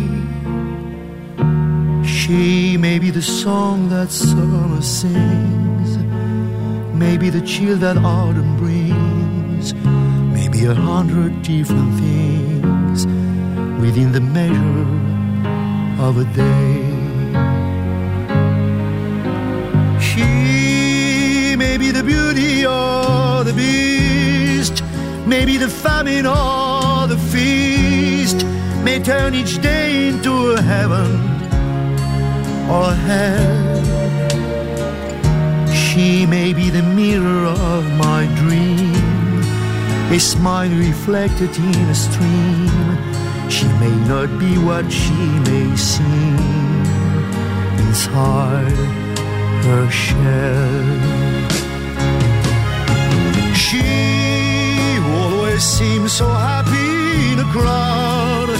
Whose eyes can be so private and so proud.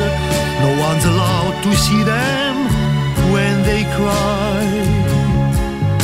She may be the love that cannot hope to last, may come to me from shadows of the past that I remember till the day I die.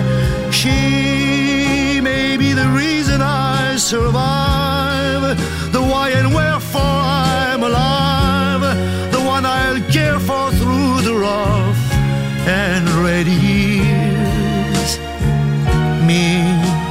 I'll take her laughter and her tears and make them all my souvenirs.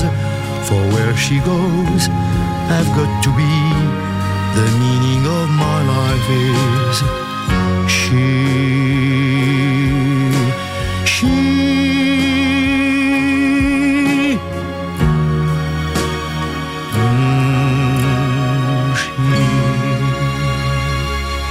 Het is later nog eens gecoverd door Elvis Costello, maar dit was Charles Aznavour met She. Mark Noppen, je laat dit horen voor haar natuurlijk. hè. Ja, ja, ja, dat was de openingsdans eh, op een huwelijk. En dat was ehm, in eh, een fantastische plek, eh, La Bellone, het Bellona-huis in Brussel. Heel weinig gekend. Een fantastisch decor, zo'n barok eh, gevel met een glazen plafond en vloer. En, en dan live gespeeld door eh, ja, een groepje muzikanten daar. En dat was ja, een magisch moment, zoals Ja. het heet. Ja. Het huwelijk, wat betekent dat voor jou? Ha, ehm, ja, dat is een. eh, wat betekent dat? Eh, ik ben eh, twee keer getrouwd geweest. Ik heb een eerste huwelijk gehad. Dat is eh, niet gelukt. En nu een tweede huwelijk. En dat is, eh, ja, we zijn nu, denk ik, je moet zien wat ik zeg, tien jaar, eh, tien jaar gehuwd, denk ik. En dat is, ja, dat is een, een, ongelooflijk partnership eigenlijk, op alle vlak. Je kan dat zo hebben, hè, dat je op een bepaald moment ehm, eh, je maatje vindt, zal ik maar zeggen, in, in zowat van alles. En ja, dezelfde, of heel vergelijkbare stands ten opzichte van het leven. Hè. We hebben net al gezegd, we werken hard, we werken lang, eh, we coachen elkaar. Dat is ook, dat is ook grappig. Zij is eigenlijk mijn coach. Eh, en we genieten graag samen. En we doen graag samen zotte dingen. Ja. Ehm, je zegt zelf, je moet, eh, als je faalt, je fouten onder ogen durven te zien. Geldt dat ook voor een tweede huwelijk? Voor het tweede huwelijk. Ja. Was dat voor jou ook een soort falen waaruit je dan weer kon leren en je fouten kon herstellen? Uh, bedoelt mijn eerste huwelijk dan voor mijn tweede? Ja. Wel, ja, weet je, eh, iedereen evolueert. Hè. Uh, in het eerste huwelijk in regel ben je dan jong. En uh, ja, dat, en you, go for the best. Hè. En dan, uh, ofwel lukt dat en is dat fantastisch. Maar ik denk zo ongeveer in de helft van de gevallen lukt dat toch niet zo goed. En dan ja, lukt het niet. En uh, het is niet dat ik daar dingen uit oppik om dan te zeggen in het tweede huwelijk dit of dat. Nee, gewoon, je wordt ouder, uh, je staat anders in het leven. Uh, je wordt veel matuurder, denk ik. En ja, dan sta je er gewoon anders tegenover en je vult dat ook anders in. En ja, is, is dat nu het, het, hoe zou ik zeggen, het onfeilbaar? Nee, absoluut niet. Dat kan ook nog op de een of andere manier misschien mislukken, maar toch, um, ja, soms, soms uh, lukt het of, of, of, klikt het in elkaar, ik zal het zo zeggen. Hè. Kan je zo'n moment hebben, zoals ze in Brussel zeggen, de mayonaise pakt. Hè. Uh, en dan, ja, een mayonaise die pakt, krijg je niet meer uiteen. Hè. Hoe zie jij jezelf ouder worden? Oeh, ik hoop ehm, nog ten eerste uh, zo lang mogelijk, zo gezond mogelijk in lichaam en geest. Ten tweede, ja, deze job ga ik niet tot mijn 85 doen, dat is wel duidelijk. als je 60, 70 uur per week uh, werkt, dat houdt je toch sowieso niet vol. Maar iets, iets blijven doen, dat wel. Uh, ik ben niet van plan op mijn 66 ga ik met pensioen, om dan patatten te gaan planten. Met alle respect voor mensen die dat graag doen. Maar ik ga toch hopelijk bezig blijven in de maatschappij, in de sector. Ja, bezig blijven. Ja. ja, ja. Ongetwijfeld komt er um, tijd vrij voor jouw extreme sporten dan, denk ik. Doe je die nog? Nee, die, ja, nee uh, die periode is wel wat voorbij, maar ik heb wel uh, geproefd van een heleboel, wat je zou kunnen zeggen, extreme sporten. Maar uh, ja, de klassiekers zoals iedereen, hè, voetbal en tennis en zo. Maar ja, als ik jong was, ging ik uh, rallyrijden met de wagen, we gingen uh, parachute springen, we gingen speleologie doen, we gingen ijshockey doen, uh, we gingen waterski, jetski, noem maar op. als het maar snel ging en energie gaf en adrenaline en dan skiën. ook, ook een beetje wild ah. Soms. dus, Hoe ja. goed was jij in al die sporten? Hoe goed was je? niet goed genoeg om, om te excelleren, uh, maar wel goed genoeg om mijn nek niet te breken, ik zal het zo zeggen. nee, op amateurniveau natuurlijk, maar met heel veel passie motorrijden ook. dat was ook zo'n passie, ja. Is daar nog iets van overgebleven? Dat motorrijden bijvoorbeeld? Ja, ja wel... wel nu, ik heb mijn motor wel verkocht om allerlei redenen, maar als wij op reis, als mijn echtgenoot en ik dan op reis gaan, in de Verenigde Staten, dan elke keer huren we een Harley en maken we een roadtrip. En uh, dat is iets dat ik, toen ik 40 jaar werd, had ik met de vrienden een roadtrip gemaakt, de, Route 66 van Chicago naar Los Angeles, met, met tien man op Harleys. En dat was, ja, dat was zo'n jongensdroom. Hè. En sindsdien ben ik daaraan verkocht en verknocht geraakt om telkens weer in de Verenigde Staten te zijn, een Harley te huren en dan twee dagen weg. Mm -hmm en hit the road. En hoeveel virussen zullen we nog verslaan voor jij 85 wordt?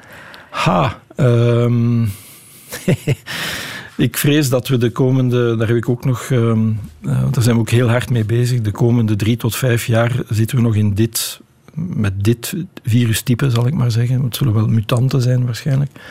Maar dit is niet weg na de vijfde, de zesde, de zevende. Uh, dus we gaan dat nog een tijdje meemaken. Dus ik vind, en dat mis ik ook een beetje in het debat vandaag, is de, de middellange termijn. Lange termijn niet, maar middellange termijn, vijf jaar pakweg. Van hoe gaan we daar nu als maatschappij mee om? Hè? Gaan we telkens discussiëren of het brandt of niet brandt en dan blussen of niet blussen? Of gaan we gewoon ehm, branddetectoren en brandbeveiliging installeren en zeggen: oké, we gaan hier zo goed mogelijk proberen mee om te gaan zo goed mogelijk um, anticiperen. Want we, we weten epidemiologisch al heel veel. We kunnen bijna voorspellen wanneer het eh, slechter zal gaan. Uh, laat ons daar gebruik van maken van die kennis. Maar dat ook op een goede manier communiceren zonder paniek te zaaien of, of, of, of valse hoop te geven aan de andere kant. Maar uh, zakelijk eigenlijk. Zeggen, kijk, hier staan we voor en hier moeten we met z'n allen doorheen. Mm -hmm. En hoe zal de zorg moeten evolueren? Want elke keer uh, een hele wereld lam leggen, dat kunnen we ons niet zo vaak permitteren natuurlijk. Nee, en, en het is een enorme stresstest op het systeem, hè, op het gezondheidszorgsysteem. We zitten uh, over de limiet. Ja, dit houden we geen. Als we dit nog, nog vier, vijf keer meemaken, dan haken mensen definitief af, daar ben ik zeker van. Dus moeten we met een plan komen waarbij we proberen, uh, zoals ik daarnet zei, Um, weet u, als, als u de grafiek bekijkt, u ziet altijd die pieken en die dalen. En dat is zoals in het elektriciteitsnet, dat wil je vermijden. Je wil zo'n continu mogelijke flow hebben. Want pieken en dalen kosten geld. En moeite en energie. Uh, dus moet je proberen om zo goed mogelijk te anticiperen, zowel wat betreft niet-COVID-zorg als COVID-zorg. En net deze week hebben we op de Raad van Bestuur, een, heeft onze Raad van Bestuur een plan goedgekeurd waarbij we met onze directe omgeving gaan proberen uh, zoiets te installeren, zodanig dat we vooral rust brengen bij de medewerkers. Objectieve, transparante informatie en documentatie, uh, om te vermijden dat het systeem collabeert eigenlijk. Dus daar, daar zijn we toch wel heel waakzaam voor. Mhm. En voor de patiënten? Heb je nog een boodschap voor de patiënten? Ha, voor de patiënt. Uh, voor de burger in feite. De want, burger in het algemeen. In feite is... Uh, dat hij geen patiënt wordt. Dat voilà, is al dat hij geen de patiënt belangrijkste wordt, boodschap uh, natuurlijk. Dat is dan, ja, leef zo gezond mogelijk. Pas op, ik, ik, ik, heb ook mijn... ik ben ook niet de, de heilige. Hè. Ik drink ook graag een glaasje wijn. Ik rook wel niet, maar bon. dus het kan altijd beter. Maar probeer zo gezond mogelijk door het leven te stappen. En voor wat betreft specifiek dit virus... Um, gedenkt dat dit een airborne virus is. Hè. Dus dat wordt verspreid door aerosols en droplets.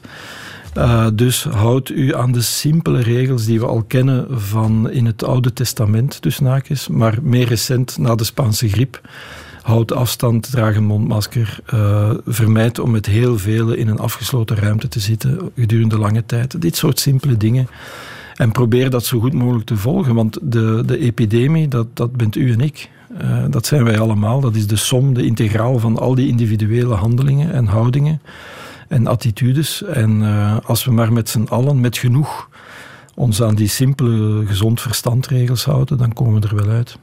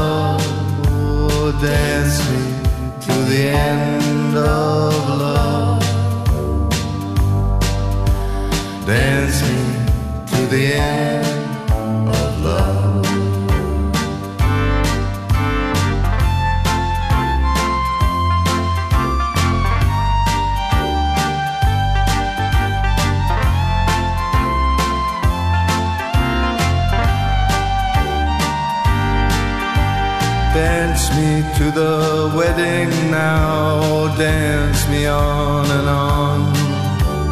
Dance me very tenderly and dance me very long. We're both of us beneath our love, we're both of us above. Dance me to the end of love. Dance me to the end. Leonard Cohen en Dance Me to the End of Love. Mark Noppen, waarom wou je dit laten horen? Goh, um, ja, dat heeft ook, ook met uh, het huwelijk te maken natuurlijk. In die zin van, uh, dat is ook zo een van die nummertjes. We hebben zo'n uh, een lijst waarvan we zeggen, en dat is nu ook weer een beetje morbid, op de begrafenis van de ander gaan die liedjes moeten gespeeld worden. Dat is ook zo een van. Enfin, we zijn nu echt heel donker bezig. Maar uh, nee, en we, we, zijn naar een concert geweest van uh, Cohen in Gent op Sint-Pietersplein. Ja. En dat was fantastisch. Ik vind dat ook een ongelooflijke poëet. En uh, ja, ik hou gewoon van die muziek. Mm -hmm. 2020, het grote bewuste coronajaar, was ook het jaar waarin jij 60 werd. Yes. Dat heb je niet kunnen vieren? Nee. maar Enfin, je gaat nog lang leven. Hè? Wat zou je echt nog willen met dat leven? Goh, uh, ja, een beetje zoals, zoals daarnet aangehaald. Nu, verjaardags vieren. Uh, en mijn familie weet dat ik niet zo'n uh, een, een fan ben van die, de, hoe zou ik zeggen, de voorspelde nummertjes en, en de verjaardagsfeestjes. Maar bon, uh, ik doe er wel graag aan mee, hè, als, ze, als ze er zijn. Ja, ja. dus geen enkel probleem. Uh, wat ik nog zou willen is, um, god... Uh, ja, gezond blijven, in, in, in, vooral in geest en lichaam, maar lichaam ook. Mm -hmm. uh, ook in, in, de familie en bij mijn echtgenote ook wel, toch wel medische issues geweest uh, de laatste tijd, dat dit allemaal blijft zoals het nu is en dat we verder kunnen genieten van het leven zoals we nu doen. Mm -hmm. ja. Een oldtimer? Mag dat? Ja, als ik tijd heb. nee, dat is zo een van die ideeën. Ehm, ik ben ook een zoals ik al zei in het begin van het gesprek, uh, als puber ben ik heel veel bezig geweest met auto's en moto's. En uh, daarna met motorrijden en autosport.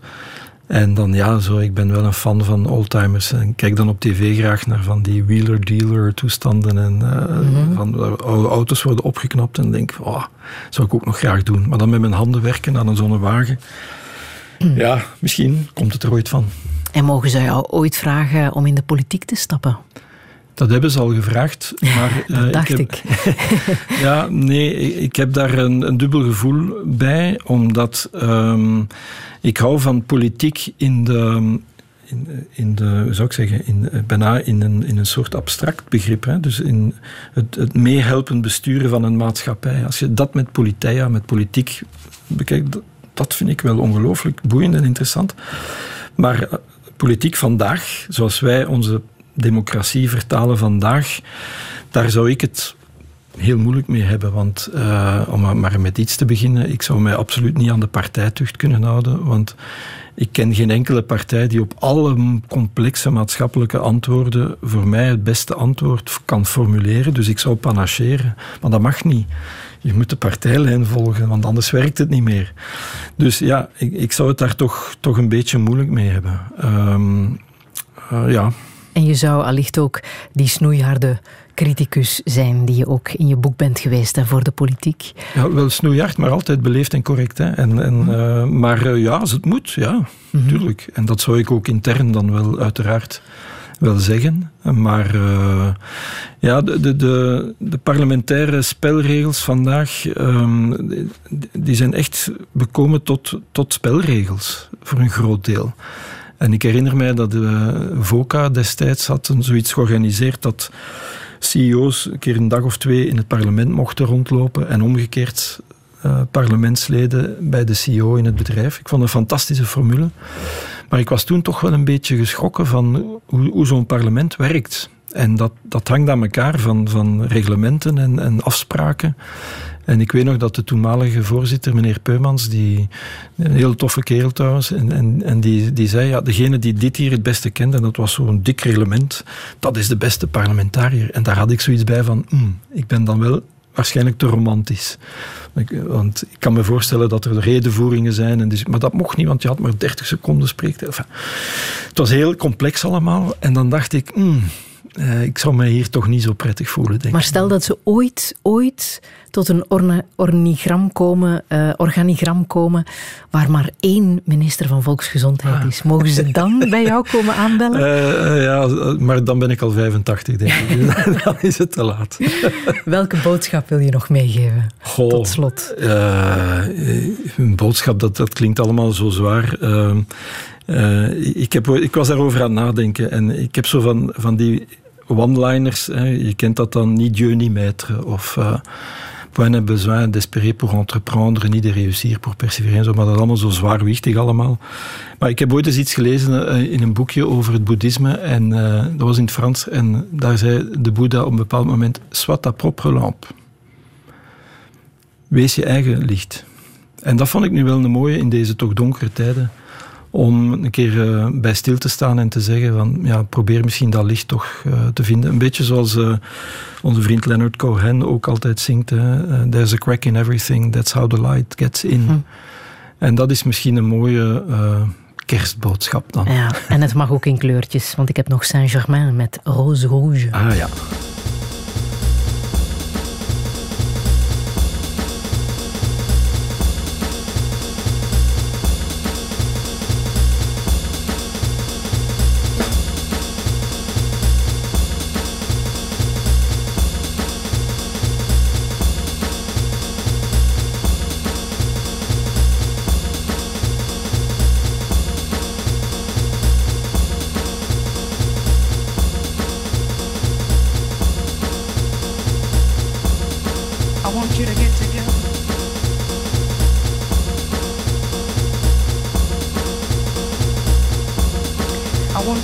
Wees je eigen licht met dank aan eh, Mark Noppen. Alle info vind je op onze website. En volgende week verwacht ik hier Bart Stouten, mijn eh, collega van Clara.